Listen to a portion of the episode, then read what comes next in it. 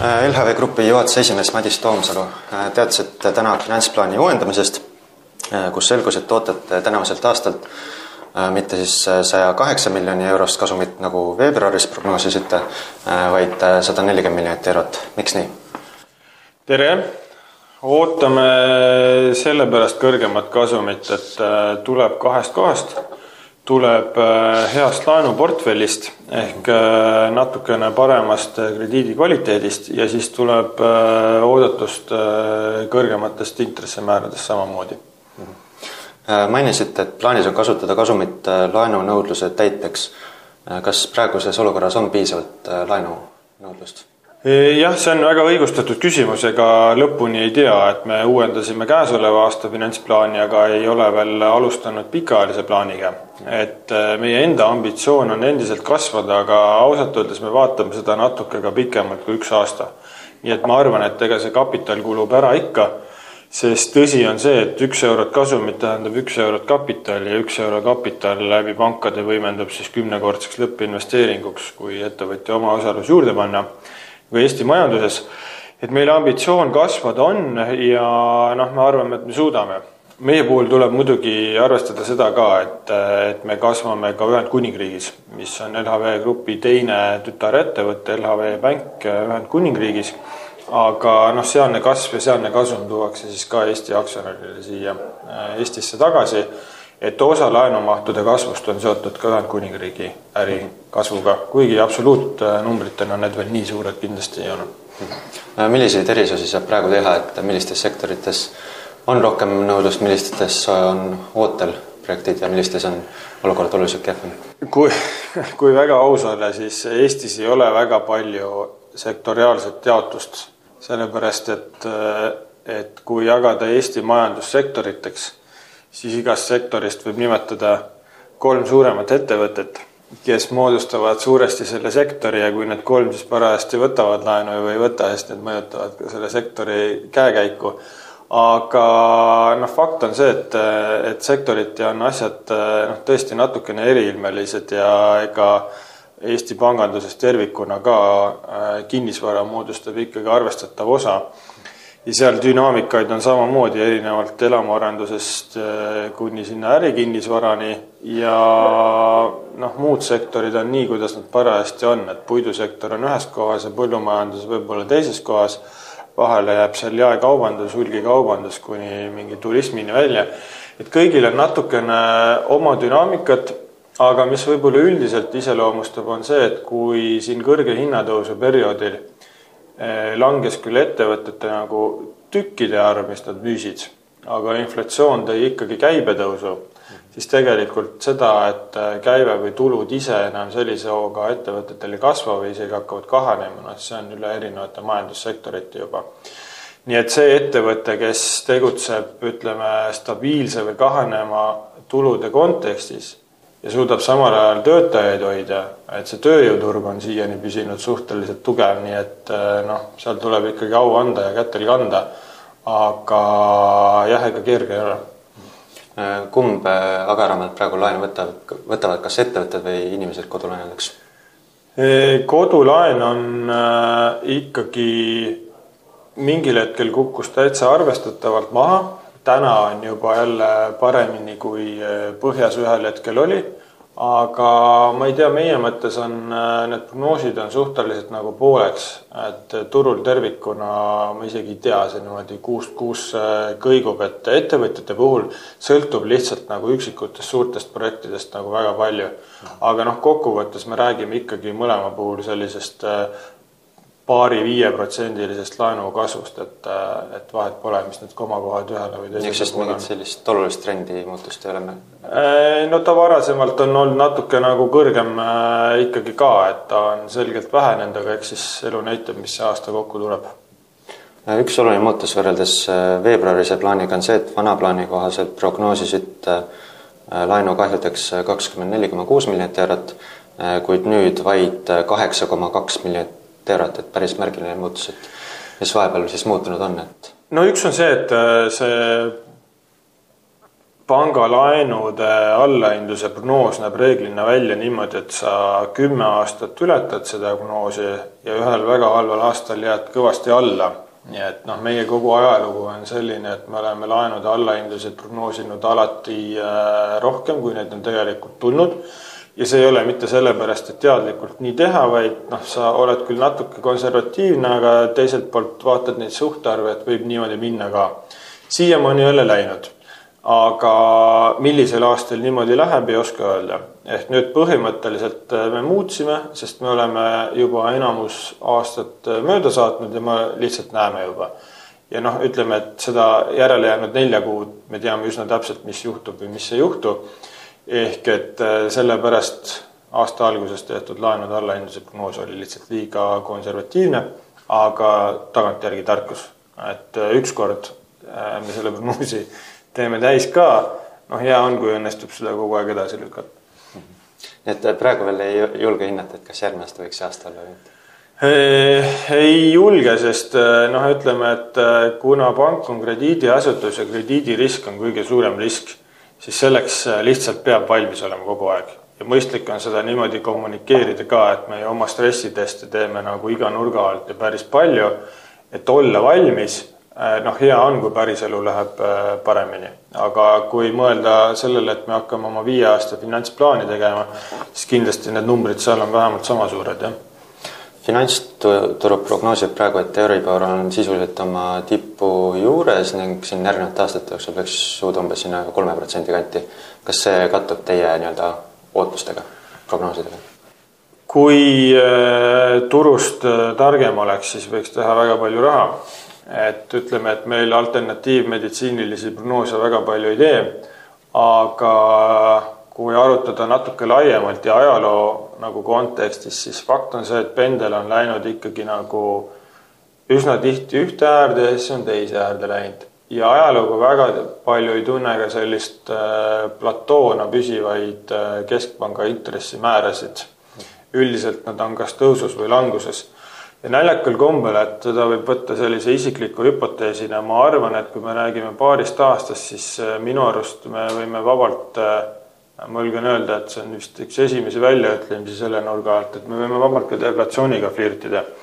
Sest kui ühel hetkel saavad ikkagi kokku need kõrgel püsivad intressimäärad, äh, see, et nõudlus reageerib sellele kõigele viitajale, aga kui ühel hetkel reageerib, siis võib-olla piisavalt järsku. Ja teine asi on see, et kui me jätame nagu sellest keskpankade poolt äh, juhitavast äh, inflatsioonist välja energiahinnad ja toiduhinnad, sest noh, rahapoliitikaga neid ei puu-, äh, püüa, siis tegelikult mõjutavad ka energiahinnad seda osa inflatsioonist, mida keskpangad proovivad juhtida ja energiahinnad on volatiilsed olnud, nüüd nad natuke kasvavad, aga ütleme, tippudest nad on ikkagi tulnud ka alla kui selle kõik kokku paned, siis sa võid saavutada vabalt olukorra, kus äh, hinnad hakkavad langema. ja nüüd, kui tulla nagu otse Eesti peale, siis noh, kahekümnesest aasta äh, baasil mõõdetavast inflatsioonist kahekümneprotsendilisest on järgi jäänud neli millegagi. Ja kui trendi edasi vaadata, siis okei okay,, kuskil on maksutõusud, mis inflatsiooni võivad suurendada, aga kes ütleb, et see alla nulli ei või kukkuda ja noh, deflatsioon on ikkagi oluliselt karmim keskkond kui inflatsioon, sest äh, üks äh, hea mõte võib-olla kuulajale ka, et ega pangalaenud ongi äh, portfellina püsinud heal tasemel, sest hinnatõus on olnud ettevõtetele.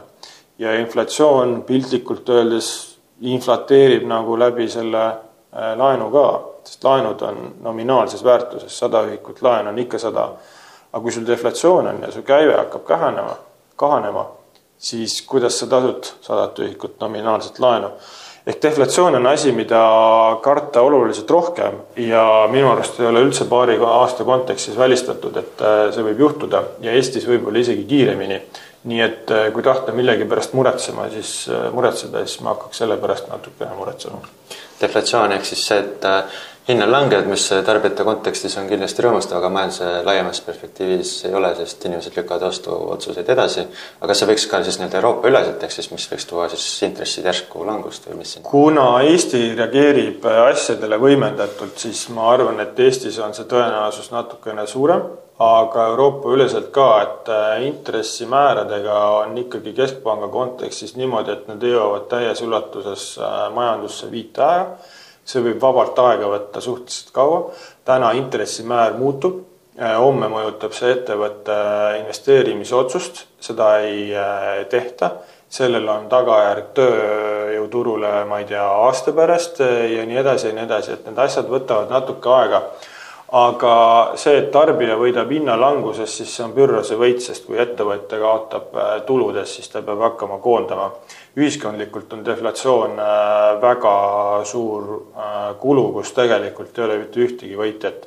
et lühiajalises plaanis keegi saab midagi odavamat, aga, aga paradoks on selles, et, et lääne turumajandused ja majandused on ehitatud üles ikkagi nagu väikese hinnatõusu peale vastasel juhul ei oleks ka keskpankadel mandaat hoida teda just selle kahe protsendi raames, aga ikkagi plusspoole peal. Nii et ja, ja siis sa võid näha jälle selle pendi teise nurka nagu liikumist. ütleme niimoodi, et see ei ole küll praegu peamine hüpotees meil ka, aga see tõenäosus, mis tundus vahepeal olevat üsna väike ja null, siis minu arust on hakanud lihtsalt kasvama, et see on hetkel intellektuaalselt huvitav arutelu, aga, aga juba mingit sorti tõenäosusega. mingi viis-kümme protsenti siis või rohkem? ei noh, ma niimoodi ei tea, lihtsalt, et tasub, et kes tahab ise tõenäosust arutada, siis äh, lihtsalt mõelgu selle nagu intressimäärade inertsuse peale. Äh, vaadaku neid äh, rahapoliitika kujundajate nagu sõnumeid ja, ja seda ka, et all on meil ikkagi nagu energiahinnad, mis on langenud samamoodi et jah, rahapoliitikaga ei püüa, aga nad tegelikult mõjutavad sedasama inflatsiooni komponenti, mida proovitakse püüda mm. -hmm. nii et sihuke huvitav asi ja noh, Eesti puhul lihtsalt numbrid ise tulevad nii kiiresti alla, et nüüd, kuidas mingi riigi rahapoliitika või maksundus seda mõjutab, on iseasi, aga, aga jah, mingit sorti oht on olemas mm. -hmm majanduse muredest räägitakse nii ühe kui teise nurga alt, et äh, siin küll kardetakse, et äh, Saksamaa on jällegi Euroopa niinimetatud haige mees Äh, küll kardetakse suuremat laksu Hiinas ka siis osaliselt sellesama deflatsioonikartuse tõttu, kus siis Hiina on nüüd asunud natukene stimuleerima taas. USA-s pole majanduslangus veel kättegi jõudnudki ja hoolimata intressitõstetest ja nii Rootsis kui mujal maailmas on siis kinnisvarasektori, eelkõige siis ärikinnisvarasektori langust kardetakse, et mis nendest ohtudest tunduvad kõige rohkem päris, mis siis ka Eestit võiks mõjutada? see on väga õige ja huvitav küsimus aga sellele on minu arust jube keeruline vastata, et et kui need kõik oleksid äh, turumajanduslikud protsessid, oleks neid võib-olla isegi lihtsam kokku panna. Aga kui sul on äh, maailma üheks suurimaks äh, osalejaks selles protsessis saanud keskpank või keskpangad, kelle kuistest otsustest, mida teeb kümme või viisteist või kakskümmend inimest sõltub nagu kogu turgude, majanduse, tööjõuturu meeleolu järjest rohkem, eh, siis kus see õige vastus on? et, eh, et see on selline nagu äh, huvitav arutelupunkt, aga ütleme, et kui nagu praktilisemate lähemate probleemidega võtta, siis noh, see, et Rootsi mured jõuavad läbi Äh, panganduse ja sealsete krediidipoliitikate ja otsustusprotsessidega Eestisse ühel või teisel määral, et äh, noh, see on üsna nagu arvestatav tõenäosus. Ja mitte ainult läbi nagu pankade, vaid tegelikult ka läbi ekspordisidemete ja noh, kaubandussidemete ehk ikkagi see, mis nagu Rootsis on ja, ja noh, Saksamaa mõjutab niikuinii kõike, sest äh, Saksamaa alltöövõtjaid on, on, on terves Euroopas ja, ja jõuavad need ringiga nagu Eestisse ka. nii et ütleme, et see Euroopa majandus niikuinii, aga jälle rahapoliitikat vaadates, siis see, mida on USA ees teinud, et üldiselt äh, Euroopa on mingi viiteajaga teinud järgi, et võib-olla seda rahapoliitilisi ja, ja finantsturgude vihjeid tasub otsida pigem sealt majandus ilmtingimata alati ei korreleeru, et siin ma Eesti kontekstis vaataks ikkagi meie peamisi kaubanduspartnereid. aga noh, Saksamaa Euroopa mootoriga igal juhul, jah.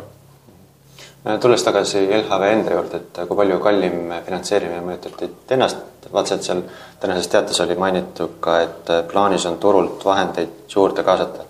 kas see on siis praeguste võlakirjade refinantseerimine või midagi ütleme, et iga eraldi otsus on eraldi börsiteade, aga selle suuna jah, me andsime kätte, et, et kuna meil kapitali läheb laenukasvuks vaja ja optimaalne kapitalistruktuur tähendab jälle seda, et meil on ka lisaks aktsiakapitalile muid instrumente, siis neid me oleme ilmselt lähitulevikus turult kaasamas, jah. on need siis nagu kasvuks või refinantseerimiseks, ehk siis nagu iga teade eraldi aga plaanis äh, mingeid tehinguid teha on. ja noh, fakt on see, et hinnad on ikkagi nagu noh, kordades kallimad. ja, ja mida rohkem sellisel ühisel Euroopa või maailma finantsturgudel, seda suurem on hinnatõus. et ütleme, et meil mingid instrumendid vanasti, mille me saime null koma protsendiga kätte, siis noh, nende eest me maksime juba siin aasta alguses äkki seitse või kaheksa protsenti. me räägime siin noh, ikkagi nagu meeletust kasvust nagu just see, mis finantsturgudel on. Ja siis mõned sellised praktilisemad instrumendid, mis on rohkem arusaadavad ja koduturul nagu siis noh, need olid juba enne kallima hinnaga, et need võib-olla nagu tõusevad vähem. aga sisuliselt on jah, kõikidesse instrumentidesse kirjutatud sisse hinnatõus. ja paraku, kui me räägime Euroopa Liidust kui kapitali ja ja, ja nii-öelda rahaliste vahendite vabast liikumisest, siis see, see ka lõpuni nagu tõde ei ole, et Eestit vaadatakse ikkagi nagu oma nurga all ja just keerulistel aegadel pannakse siia see riskipreemia nagu oluliselt rohkem otsa. et põhimõtteliselt Eestist tuleva pangana raha kaasata finantsturgudel noh, ongi võib-olla ilmselt ilmtingimata mitte keerulisem, aga kallim igal juhul praegu uuendasite tänavuse aasta prognoosi, aga mitte järgmise aasta oma, millelt ootate Äh, sada seitseteist miljonit eurot kasumit, kas järgmise aasta, aasta osas ootuste poole pealt pole piisavalt muutunud, et oleks põhjust seda veel muuta? mitte seda, me oleme lihtsalt alati öelnud kogu aeg, et kuna viie aasta finantsplaani uuendamine on nii äh, piisavalt pikk töö, see reaalselt võtab meil aega kolm kuni neli kuud, siis äh, me ei tee seda kunagi aasta sees, ehk aasta sees me uuendame ainult käesoleva aasta plaani ja kõik pikaajalised plaanid me avalikustame alati siis äh, veebruarikuus, et me tegelikult alles hakkame äh, sellega pihta. aga noh, loogiline on eeldada, et kuna äh, see sai avalikustatud ka veebruaris, siis noh, muudatusi tuleb sinna ka üksjagu. ridade lõikes olla täiesti erinev, nii et ega seda koondvastust täna olemas ei olegi. kui palju võiks välja lugeda Ühendkuningriigi äri siis prognooside, selle aasta prognooside muutusest, ehk siis laenuportfell on äh, praeguses plaani kohaselt topelt äh, suur ja siis kasum sel aastal oli kas kolm korda suurem, ühe miljoni asemel kolm umbes. et äh, kas see lihtsalt ette jõudnud nii-öelda äri või siis, et kuidas see seal äri hetkel käib? Ma arvan, et niimoodi võikski lugeda, et kui võrrelda, ma arvan, et need, kes on kauem LHV aktsionärid olnud, võivad teha sellise arvutuse, et kui pangaks saime aastal kaks tuhat üheksa, siis LHV Panga Eesti äh, kasv esimesel viiel aastal, et Ühendkuningriigis me tahame esimesel viiel aastal äh, kasvada paar-kolm korda kiiremini. ehk et äh, see on siis see ambitsioon, mis seal praegu on noh, jälle, et me peame seda pikaajalist plaani minema alles uuendama, et mis need numbrid seal on, aga me räägime ikkagi võrdlusbaasist, mis on paar-kolm korda kiirem. et need on need ambitsioonid ja noh, kui mõelda Eesti ajaloo peale, siis pank alguses noh, kasvas, kasvas, kasvas, aga olgem ausad, et absoluutnumbrid alguses olid pigem noh, tänasega võrreldes tagasihoidlikud, aga ta ladus mingit põhja, kus siis tuli murdepunkt ja geomeetriline kasv algas peale seda et eks see on seesama, mis me seal Ühendkuningriigis loodame, et alguses on natukene nagu lineaarsem ja peab tegema tööd, aga ühel hetkel on kapital, kasumlikkus ja asjad sealmaal, kus me saame hooga kasvama hakata. ja noh, viimane oluline uudis oli see, et me oleme hakanud seal ka otseturult hoiuseid kaasama, ehk noh, sul on vaja kapitali ja hoiuseid, et nüüd me oleme hoiustega ka otse Inglismaa turul vaadates LHV aktsia käekäiku ning tulemusi, siis äh, suhtarvude poolest oleks äh, kasvuaktsias saanud justkui väärtusaktsia. tundub, et uskumisega, et midagi läheb siis ikkagi valesti, et et otseselt aktsiahinna väärtust arusaadavalt kommenteerida ei saa, aga mis võiks investorite silmis olla kõige olulisemad asjad, millele tasuks selles osas silma peal hoida? Ma saan sellest motivatsioonist tegelikult aru, et ühel pool on ettevõte oma heade tulemustega, aga teine, teisel pool vastas on nagu turu üldine nagu konjunktuur ja mingid nagu kartused, et see, et see netotulemus siis on nagu paigale jäänud, et eh, noh, ju siis nii on. aga noh, meil kuskil nagu kasvunälg vähenenud ei ole, et küsimus on alati see, et sa pead reageerima nagu olukorrale ja täna on noh, selge, et majanduskeskkond on nagu on et ega pank ei saa üksinda pakkuda, et teiselt poolt peab olema nõudlus ka. nii et äh, me sõltume Eesti majandusest ise sama palju, aga noh, kasvuallikana ikkagi seesama Ühendkuningriik, kus turupotentsiaal on ikkagi võrratult suurem, et äh, seal me oleme küll väga oma kurvi alguses, peame natuke veel tööd tegema aga, aga noh, see on ikkagi nüüd äh, ka üks grupi ettevõte millel portfelli kasvu me ootame kiiremini kui omal ajal Elava pangast, nii et kes oskasid nautida Eesti Panga tulemusi, siis loodetavasti oskavad veel rohkem nautida siis sealse panga tulemusi.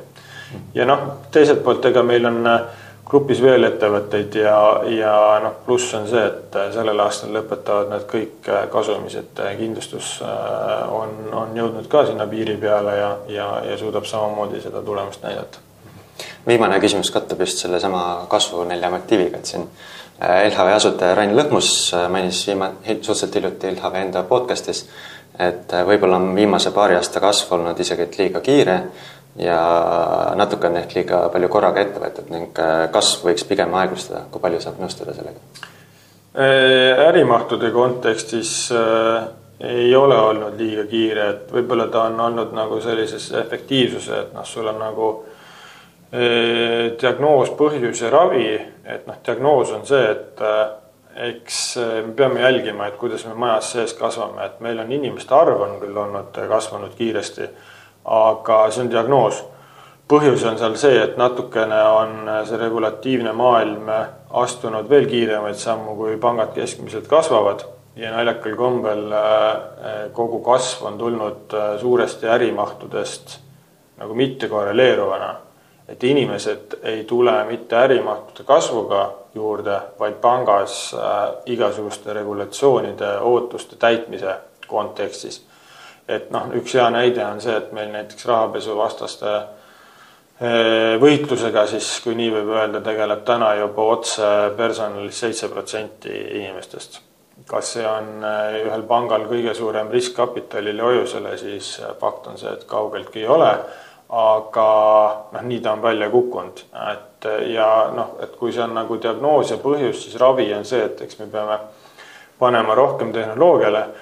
meil on täna värvatud juba sisuliselt ai tiim, kes istub otse siis panga juhatuse esimehe ehk äh, Kadri nii-öelda juures, ehk see on see, millise tõsidusega me seda võtame ja peab leidma siis lahendusi efektiivsusele nagu erinevates üksustes.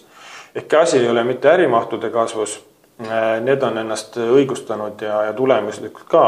võib-olla on mõningad tegevused, mis me peame lihtsalt üle vaatama, aga see on ühe ettevõtte nagu loomulik protsess, sa üritad äh, ja, ja pead siis korrigeerima. aga inimeste arv ja, ja, ja see on küll noh, ütleme, et äh, need ei ole läinud alati nagu aktsionäri poolt vaadates sinna, kus sa saad nagu äri vastu. aga selline see keskkond täna on, aga noh, ütleme, tegelema peab niikuinii kogu aeg, nii et ega siin midagi uut ei ole ja päris lõppu veel. Üks lühike küsimus, kas järgmine aasta saab olema Eesti majanduse jaoks parem aasta kui tänavu või mitte?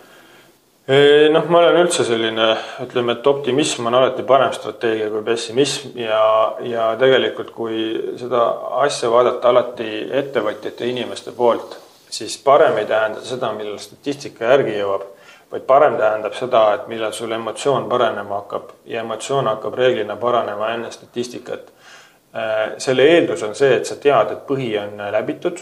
Äh, ma arvan, et me oleme seal äh, ütleme noh, suhteliselt nagu lähedal, mis ei tähenda, et statistika edasi ei halvene. reaalselt ma arvan, et halveneb nii tööjõuturul, nii pankrottidega, nii makseviivituses olevate klientide ja asjadega aga mis see kaasa toob, see toob tegelikult kaasa selginemise, et, et need asjad ei lähe halvemaks sellisel kiirusel, nagu mustad stsenaariumid näevad. statistika läheb halvemaks, aga mitte väga suurel kiirusel. ja siis sa avastad, et okei okay,, sa elad üle, ja emotsioon tuleb taha ja sa tegelikult tuled sealt nagu välja. nii et äh, ma arvan, et vastus on, vastus on jah. aga aitäh, Madis Tammsalu! aitäh!